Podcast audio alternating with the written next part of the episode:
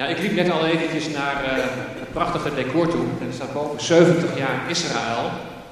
Nou bestaat het volk Israël natuurlijk al veel langer. Maar 70 jaar geleden was toch wel een heel bijzonder moment. 1948, de staat van, van Israël uh, gevestigd.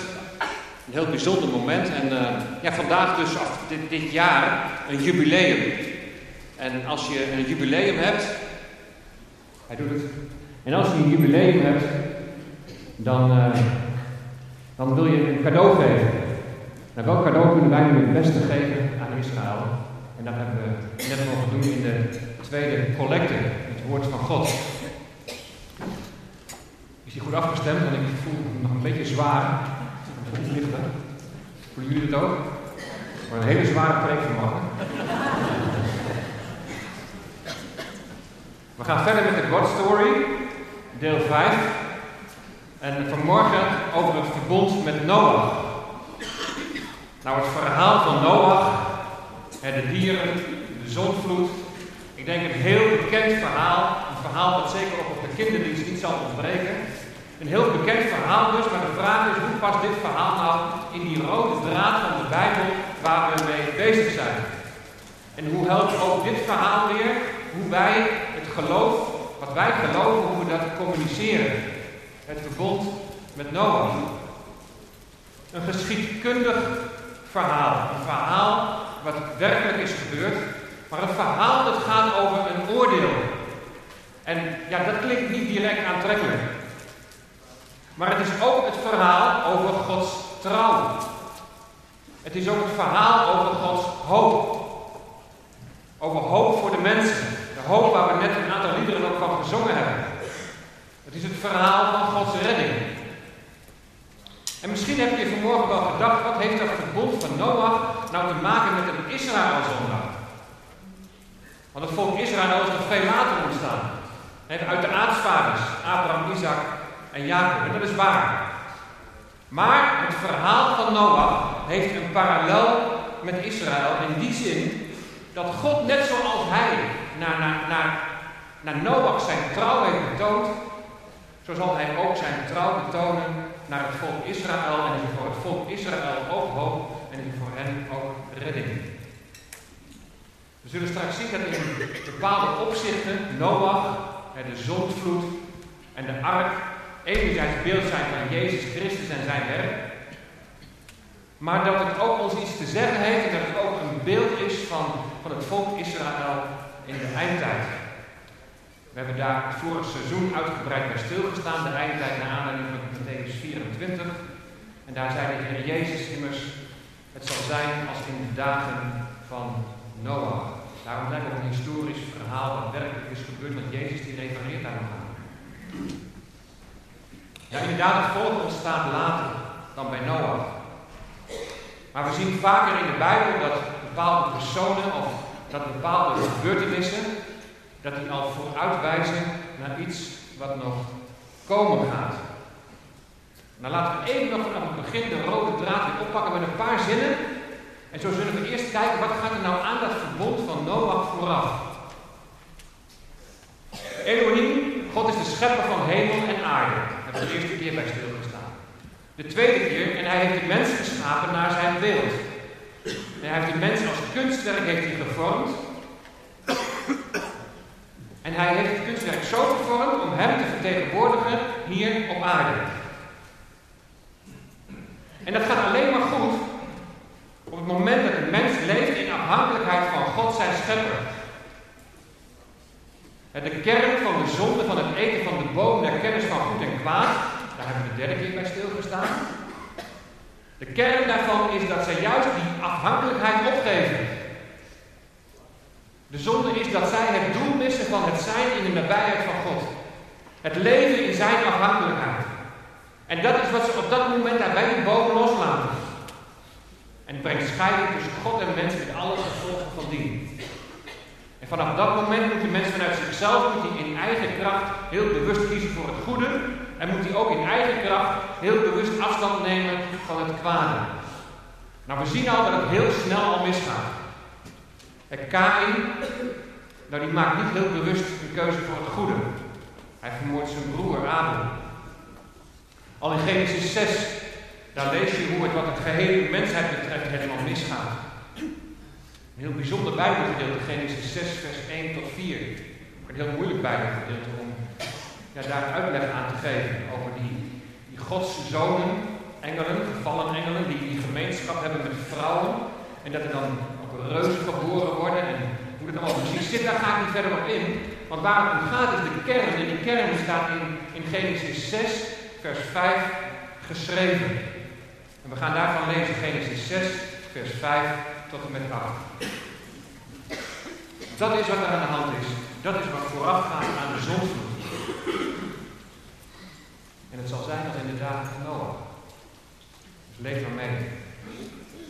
Genesis 6, vers 5 tot En de Heere zag dat de slechtheid van de mens op de aarde groot was en dat al de gedachtenspinsels van zijn hart elke dag alleen maar slecht waren. En toen kreeg de Heer er berouw over dat hij de mens op de aarde gemaakt had. En het bedroefde hem in zijn hart. En de Heere zei, ik zal de mens die ik geschapen heb van de aardbodem verdelgen. Van de mens tot het vee, tot de kruipende dieren en tot de vogels in de lucht. Want ik heb er berouw over dat ik hem gemaakt heb. Maar Noach vond genade in de ogen van de Heer. Als je de naam Noach omdraait, krijg je het woord gein. En dat betekent genade. Noach vond genade in de ogen van de Heer. We zien een corrupte wereld. De slechtheid, de boosheid van de mensen was veel, staat hier. In de oorspronkelijke statenvertaling staat dat die boosheid menigvuldig was. Het vermenigvuldigde zich. De eerste mens kreeg de opdracht om zich te vermenigvuldigen. En nu gebeurde dat al, je kunt dat lezen dan in Genesis 6, gebeurde dat buiten de kaders, buiten de omheining, binnen de veilige grenzen van het huwelijk, van man en vrouw. Dat vermenigvuldigen wordt hier betrokken op de slechtheid van de mens. En dan staat er in zijn hart vormen zich gedachtespinsels. het is wel opvallend dat hier in relatie staat dus tot seksualiteit, de eerste vier versen van Genesis 6. En dat woord gedachtespinsels, dat zou je ook kunnen vertalen als fantasieën.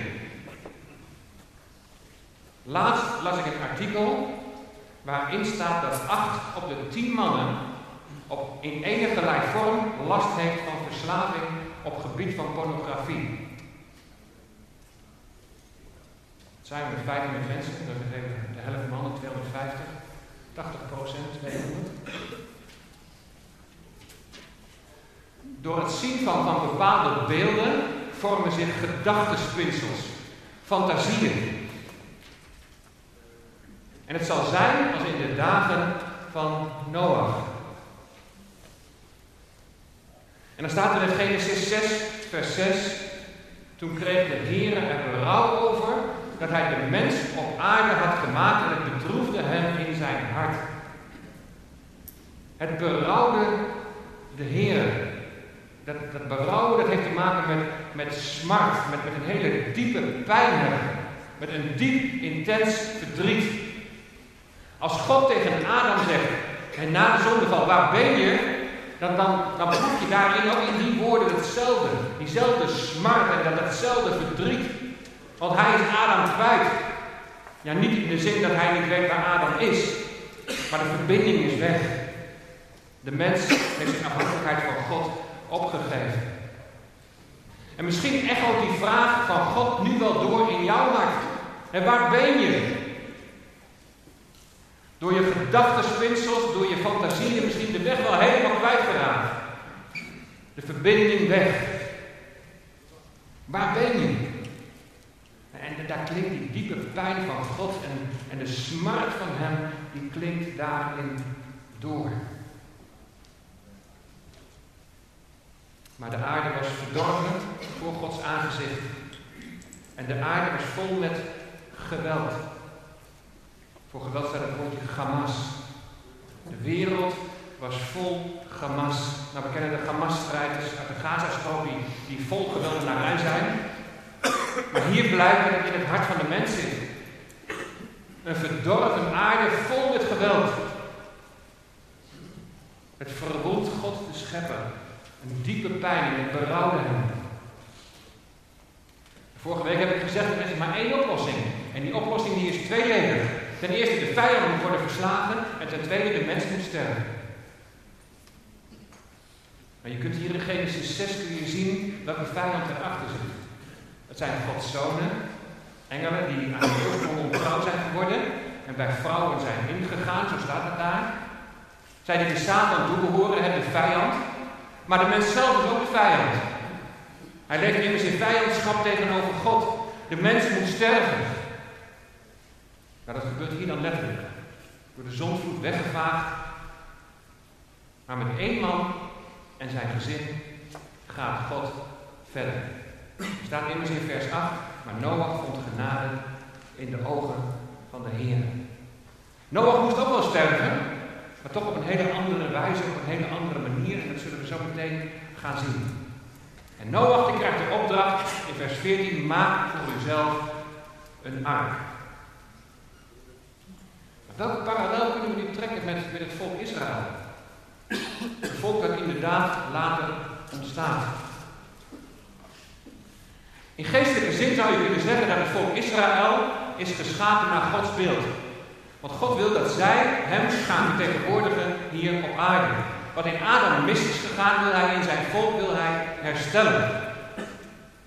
Maar als je echter de geschiedenis van dit volk leest, dan zie je dat het een opeenstapeling is van ontrouw zijn, tot berouw komen en God begint weer opnieuw. En dat herhaalt zich voortdurend. En die ontrouw die wordt op een gegeven moment zo groot dat God een buitenlandse heerser gebruikt en die noemt hij zijn dienstknecht, die noemt hij zelfs zijn gezalfde, dus die noemt hij zijn Messias. Messias is gezalfde en dat is Nebukadnezar.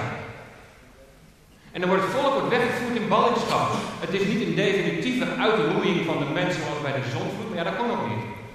Want God had immers beloofd in het verbond met Noach dat er zo komt die de hele aarde vernietigt, dat het niet weer zou plaatsvinden. Maar goed, het is wel een situatie weer van, van dreiging en van wegvoering en van vervolging. En wat we voortdurend in de geschiedenis van Israël hebben gezien, omdat ze niet op God vertrouwen en geschapen zijn naar zijn beeld niet waarmaken. Geen zondvloed meer, maar de Bijbel spreekt wel van een tijd van Jacobs benauwdheid. Een tijd van benauwdheid die nog in de toekomst ligt. Daniel, die profeteert en die zegt in Daniel 12, vers 1: Het zal een benauwde tijd zijn zoals er niet geweest is sinds er een volk is geweest tot op die tijd. Jeremia, andere profeet, precies hetzelfde. Want die dag is groot en er is geen als hij. Het is een tijd van benauwdheid voor Jacob. Voor Israël dus. Er zal een tijd van verdrukking. Er zal een tijd van, van grote verdrukking aanbreken. In Zachariah 13, vers 8, weer een andere profeet staat. Naar aanleiding van een eindstrijd die in Israël zal plaatsvinden, daar staat het volgende. In heel het land spreekt de Heer zal twee derde worden uitgeroeid en omkomen. Slechts een derde zal worden gespaard. Nu heb ik die eerste twee versen, die heb ik maar deels gelezen. En het laatste vers heb ik niet in de context gelezen, niet in wat erna zo staat. Maar dat is wel belangrijk. Want als ik Daniel 12 vers 1 in zijn geheel ga lezen, dan staat daar het volgende. Het zal inderdaad een benauwde tijd zijn, zoals het niet geweest is, sinds er een volk is geweest tot op die tijd. Maar, en dan komt het, in die tijd zal uw volk ontkomen. Ieder die gevonden wordt, opgeschreven in het boek. Er zal een ontkomen zijn. Maar er is wel een voorwaarde. Opgeschreven staan in het boek. Nou, in het Jodendom was men al heel vroeg bekend met het feit dat er een soort hemelse boekhouding is. En een traditie die leert dat op de grote verzoendag, op Yom Kippur, de hemelse rol, het boek des levens, wordt geopend. In het Hebreeuws de Sefer Chaim, het boek van de levenden. En dan wordt men voor een jaar wordt men ingeschreven Op voorwaarde dat er reiniging van zonden heeft plaatsgevonden. En, dus, en de verzoening, en dat weten we, dat vond dan plaats door een dieroffer door de hoge priester gebracht. De brief aan de Hebreeën vertelt dat Yeshua, Jezus de hoge priester, dat hij is die voor ons het heiligdom is binnengegaan om voor ons verzoening te doen. Maar hij is niet alleen de hoge priester, hij is ook zelf het offer. En dan Jeremia 30 vers 7, precies hetzelfde. Wee, want die dag is groot en er is geen als hij. Het is een tijd van benauwdheid voor Jacob, maar dan staat er toch, zal hij daaruit verlost worden. En dan staat er in vers 9 dat ze de Heren zullen dienen en dat hij een vernietigend einde zal maken aan de heidenvolken. En dan nog Zacharia 13, vers 8 en dan lezen we vers 9 daarbij. Vers 8 hebben we net gelezen over dat verschrikkelijke gebeuren. Een derde zal ervan overblijven, maar dan staat er: Ik zal dat derde deel in het vuur brengen en hen louteren zoals men vuur loutert. Ik zal het beproeven zoals men goud beproeft. Het zal mijn naam aanroepen. Het gaat gebeuren. Ze zullen zijn naam aanroepen en ik zal het verhoren. En ik zal zeggen: Dit is mijn volk. En zij zullen zeggen: De Heere is mijn God. Het zal een tijd van verdrukking zijn over deze hele aarde. Een aarde waar de boosheid en de slechtheid zich vermenigvuldigen. Een aarde die los van God is. Helaas geldt het ook voor Gods volk zelf op dit moment. Een kleine minderheid van het volk is nog religieus en een nog veel kleinere minderheid kent Jezus als Messias. Ik hoorde laatst getallen dat bij de stichting van de staat Israël er zo'n 30 Messias beleidende gelovigen waren en nu tegen de 15.000. Wat heeft dit volk, wat heeft Gods volk nodig? En ik begrijp dat we aan de ene kant best wel wat voorzichtigheid mogen betrachten. En enige bescheidenheid best wel op zijn plaats is als wij tegen Gods volk gaan zeggen wat zij nodig hebben. Want de rol van de kerk is naar Israël in de geschiedenis geen beste geweest. Degene, degene die straks over, uh, wat is het, twee weken geloof ik? Ja, twee weken nog maar? Die over twee weken meegaan naar Israël. Die moeten in Yad Vashem maar eens kijken aan het begin van de tentoonstelling over de Tweede Wereldoorlog. Wat daarover de rol van de kerk is. Maar wij zeggen ook niet wat Gods volk nodig heeft. Maar God zegt in zijn woord wat zijn volk nodig heeft. En daar mogen wij spreekbuis van zijn. Dat mogen wij doorgeven. En die boodschap, dat is een boodschap van hoop, van redding en van herstel. Maar er is wel een voorwaarde aan verbonden. En dat brengt ons bij de geestelijke betekenis van de ark. Tegen God zei Noach, tegen Noach zei God, maak voor uzelf een ark.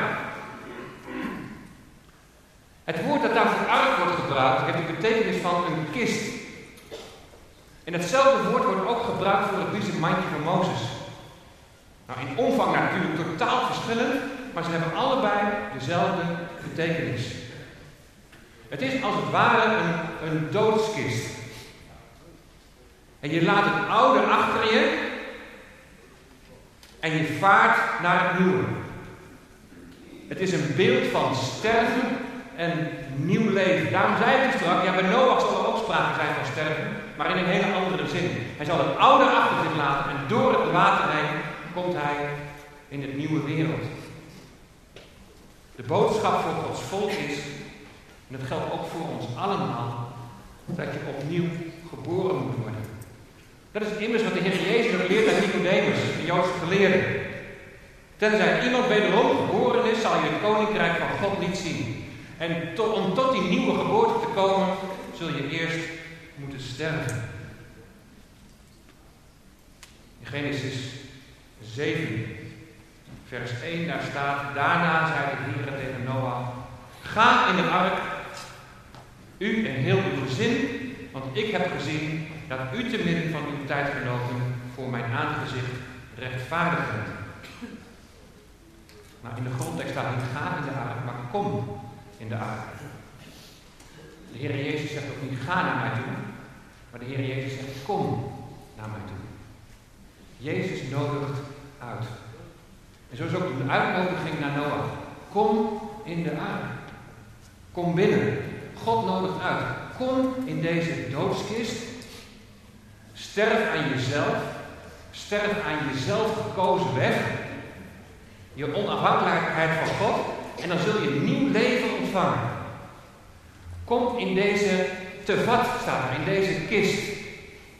En weet je, het woord tevat betekent ook nog woord. Dus Noach moet met zijn gezin in die doodskist door het water heen naar een nieuwe wereld. Maar in die kist gaan betekent dus ook in zijn woord gaan. En wie is het woord?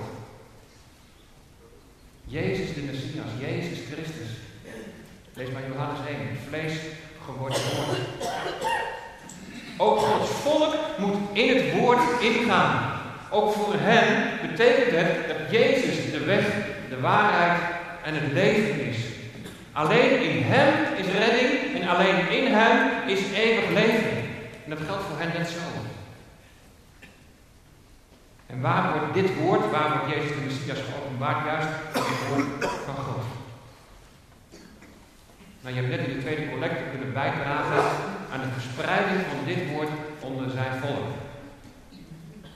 Ik hoorde laatst een uitspraak van iemand die zei van, is het onthouden van de boodschap van het evangelie, is dat niet de ergste vorm van antisemitisme?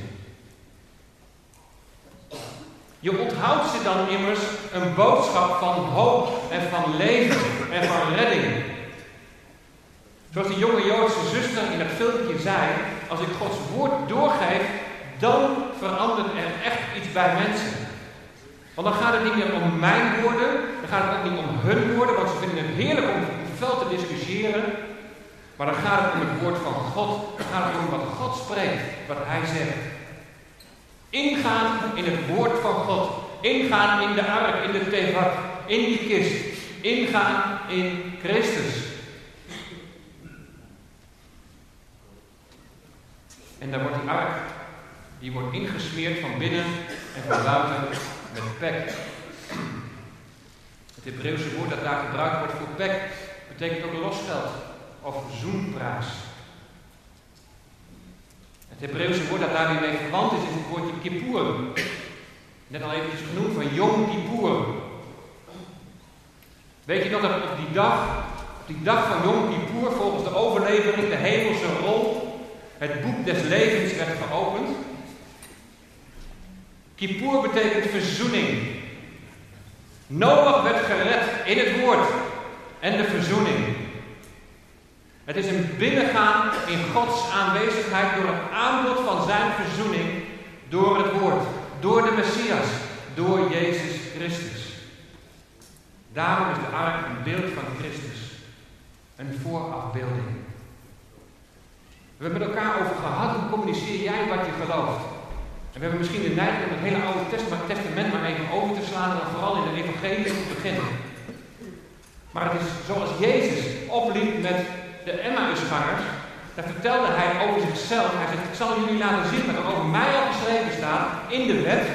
Dat is de Torah, dat is de eerste vijf boeken, en de profeten. En overal ademt het Christus uit. Bij de schepping hebben we het over gehad. Hij was betrokken bij de schepping. In hem heeft God deze wereld geschapen. Genesis 3, vers 15, die geweldige belofte, die al heen is naar Christus. Zijn hiel zal vermorzeld worden. Hij zal kruisig worden. Hij zal zijn leven geven. En hier bij de ark is precies hetzelfde. Weer al die heenwijzingen voortdurend naar Christus toe. In 1 Petrus 3, vers 20 en 21, daar wordt die hele zondvloed en dat door het water heen gaan, wordt daar vergeleken met de dood. Je gaat in de doodskist met pek bestreden, de kist van de verzoening, en je sterft, je daalt af in het watergraf. En je laat zien, ik ben met Christus gestorven. En in de dood laat je zien, en ik ben met Christus weer opgestaan. Zoals Noach ook in, door het water heen in dat nieuwe leven kwam op die nieuwe aarde. De zonsvloed drukt ook iets uit van verdrukking. verdrukking in de toekomst. De tijd dat het zal zijn als in de dagen van Noach. Een wereld waar de boosheid zich dus vermenigvuldigt en waar een tijd van grote verdrukking zal aanbreken. Maar zoals Noach en zijn gezin worden behouden, zo staat in Romeinen 11, vers 26 dat gans Israël behouden zal worden. Dat betekent niet dat iedereen die, die dan tot Israël nu behoort, dat het met hen automatisch wel goed gaat of goed komt. Ze zullen moeten ingaan in het woord, ingaan in Christus. God ging Noach en de zijnen en de dieren voor en hij zei: Kom binnen. En zo zal hij ook zijn volk voorgaan. En de Bijbel is er zo duidelijk over dat God zelf het initiatief zal nemen tot herstel. Het herstel ligt bij God zelf. En daarom is er zo'n geweldige hoop voor Gods volk. Lees maar eens mee in Ezekiel 36. En ik heb een aantal dingen daarover onderstreept om, om te onderstrepen, om te laten zien dat het initiatief bij God zelf ligt. Ik zal u uit de heidenvolken halen en u uit alle landen bijeenbrengen. En dan zal ik u naar uw land brengen. Dat zien we nu al deels in vervulling gaan. Ik zal rein water op u sprenkelen en u zult rein worden. Van al uw reinheden en van al uw stinkgoden zal ik u reinigen. En dan zal ik u een nieuw hart geven en een nieuwe geest in uw binnenste. Ik zal het hart van steen uit uw lichaam wegnemen en u een hart van vlees geven.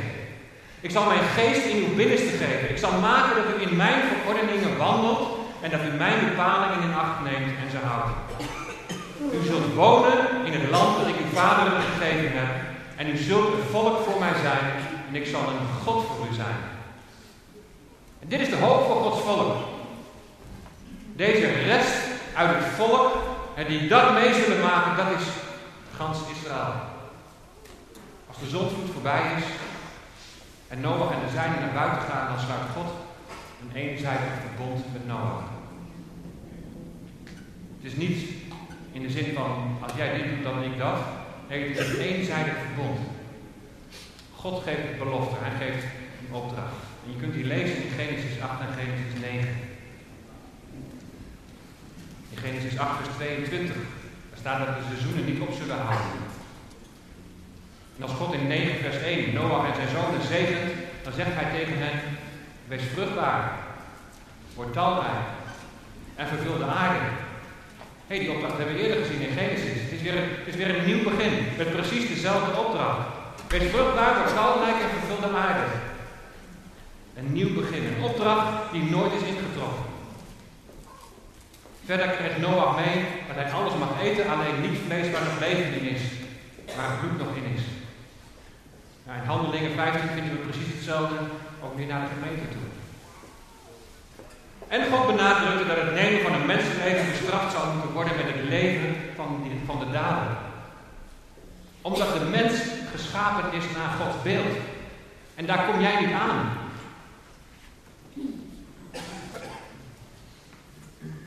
En nadat God dit allemaal uiteengezet heeft, in vers 8 tot en met 17, lezen we daar het volgende over het verbond met Noach.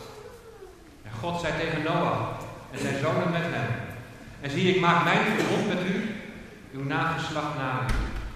En met alle levende wezens die bij u zijn, de vogels, het vee en alle dieren van de aarde met u. Van alles wat uit de ark is gegaan tot alle dieren van de aarde toe. Ik maak mijn verbond met u. Dat niet meer alle vlees door het water van een vloed zal worden uitgeroeid. En dat er geen vloed meer zal zijn om de aarde te gronden te richten. En God zei, dit is het teken van het verbond dat ik geef tussen mij en u. En alle levende wezens die bij u zijn. Alle generaties door tot in eeuwigheid. Mijn boog heb ik in de wolken gegeven. En die zal dienen als teken van het verbond tussen mij en de aarde. En het zal gebeuren als ik de wolken boven de aarde breng en de boog in de wolken gezien wordt, dat ik aan mijn verbond zal denken en dat er tussen mij en u en alle levende wezens van alle vlees. Het water zal niet meer tot een vloed worden om alle vlees te gronden te richten. En als deze boog in de wolken is, dan zal ik hem zien En denk aan het eeuwige verbond tussen God en alle levende wezens van alle vlees dat op de aarde is. God zei, tegen, zei dus tegen Noach, dit is het teken van het verbond dat ik gemaakt heb tussen mij en alle vlees dat op de aarde is. Dit is een verbond met alle vlees dat op de aarde is. Een verbond, het is nooit ingetrokken. Een verbond dat dus ook geldt voor zijn volk, dat ook geldt voor Israël, dat, dan later zal bestaan. Het water zal niet meer tot een vloed worden om alle vlees te gronden te richten. En elke keer als de boog aan de wolken verschijnt, dan gedenkt God zijn verbond, zijn afspraak. Noach. Zijn naam betekent trooster. Wie wordt in de Bijbel trooster genoemd?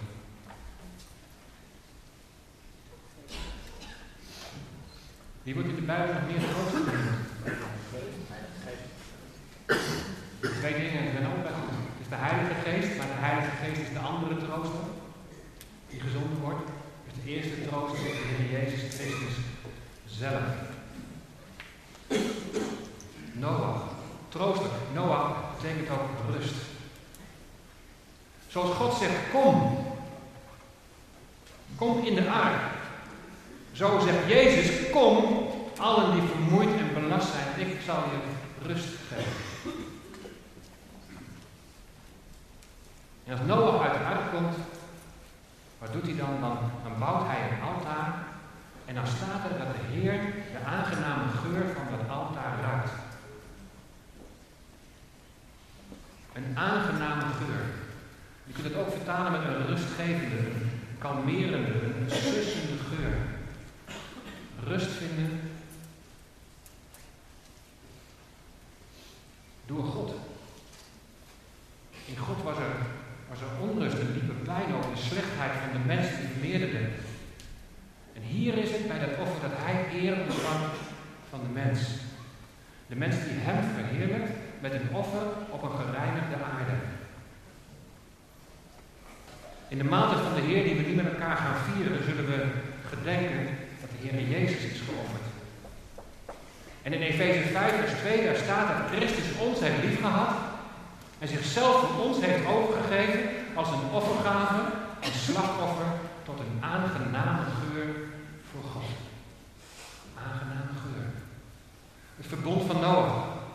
We zien in hem een voorafbeelding van de Heer Jezus Christus. In het hele gebeuren van de zondvloed zien we een voorafbeelding van Jacob's benauwdheid, de benauwdheid van Israël. Maar denk aan die boog. Er is hoop. Hoop voor zijn volk. Hoop voor jou. Want ook voor jou geldt die uitnodiging. Kom. Kom in die ark van de verzoening. Wees bereid om jezelf te sterven en zeggen: Ik wil niet langer onafhankelijk van u leven, maar ik wil juist afhankelijkheid van u. Kom tot de Heer Jezus. Hij je redder en Hij je verlosser kan zijn. Laat, laat ons gebed voor Israël zijn dat ze tot hun troosten mogen komen. Dat ze in Hem en in Christus rust zullen vinden. Rust zullen vinden in hun hart. Dat ze tot de overtuiging mogen komen dat zij zelf geen offer met een aangename geur kunnen brengen.